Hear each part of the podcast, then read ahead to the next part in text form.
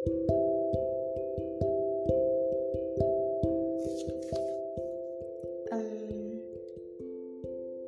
gak sih kalian tuh apa-apa tapi bilang ke diri sendiri kalau kalian tuh nggak apa-apa?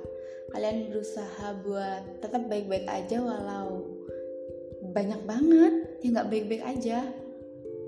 Aduh rasanya ya saya pengen banget bilang ke kalian kalau kalian tuh nggak perlu ngerasa baik-baik aja ketika banyak hal ngebuat hati kalian terluka banyak hal ngebuat kalian kecewa. Tapi ternyata saya pun begitu. Jadi beberapa hari yang lalu saya belajar buat bolu buat dia sumpah ya ini tuh pertama kalinya saya belajar buat bolu belajar buat makanan tanpa didampingin sama ibu saya. Karena saya sok pinter aja gitu saya bakal bisa kok orang ini buat dia. Ah dan kalian tahu hasilnya hancur. Nggak berbentuk nggak ngembang bolunya nggak jadi. Hmm. kalian pasti bertanya-tanya kenapa sih saya ngelakuin ini buat dia? Setelah sekian banyak perjuangan yang percuma dan sia-sia nggak ada hasilnya. Oh, kalau kalian tanya kayak gitu mungkin saya cuma bilang eh cuma bisa bilang kalau saya seneng aja ngelakuin ini buat dia. Gitu deh intinya. Hah. terus karena saya nggak pinter nih ya buat buat kue kayak gitu akhirnya yaudah saya nyerah akhirnya saya beli hari itu kebetulan saya sama keluarga saya itu pergi ke suatu tempat. Terus pulangnya saya minta diturunin di halte di depan SMA nggak jauh dari rumah dia. Jadi saya chatting dia tuh saya nungguin kamu di sini kamu ke sini ya. Pokoknya intinya kayak gitulah. Tiga kali saya message dia nggak ada balasan.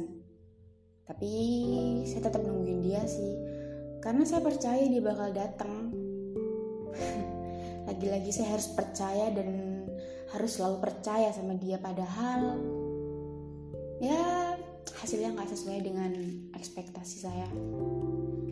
15 menit berlalu. Dia belum datang.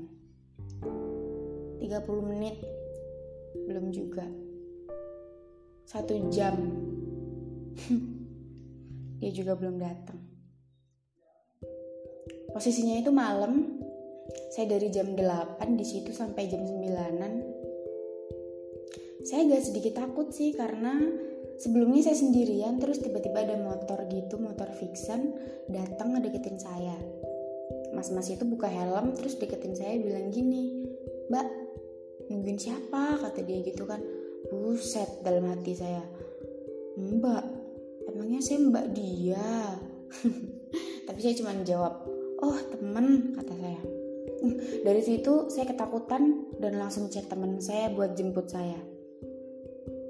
Jujur malam itu saya kecewa banget sama dia. Ya walau kecewa saya tetap nganter kue itu ke rumah dia. Baru deh dia balas chat saya. Kirain bercanda. Saya cuma bisa senyum aja terus saya balas haha doang. Walaupun saya pengen banget bilang ke dia sendirian di halte malam-malam dan kamu bilang cuma bercanda. Punya otak nggak sih kamu? Tapi enggak berhubung saya baik hati jadi saya cuman diem aja.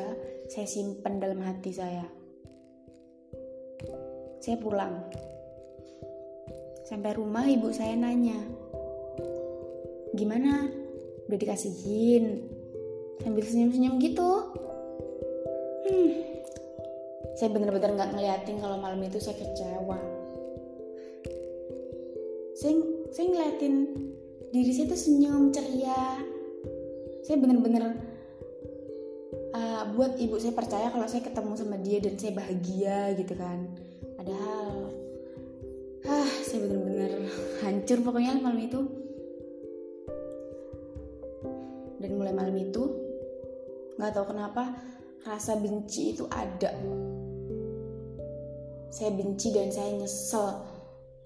Nyesel ngelakuin hal yang sia-sia percuma ngebuat harga diri saya turun aja di depan mata dia. Ngebuat ngebuat dia besar kepala.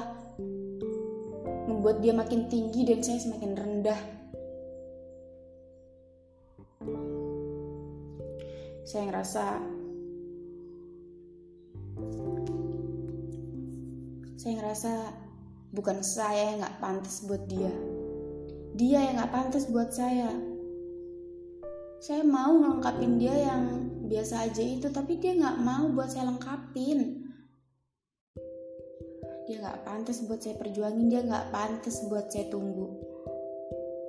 Malam itu saya benar-benar di level kecewa tertinggi sih selama saya merjuangin dia akhirnya nggak cuma Instagram Facebook yang saya blokir. WhatsApp pun sekarang udah saya hapus.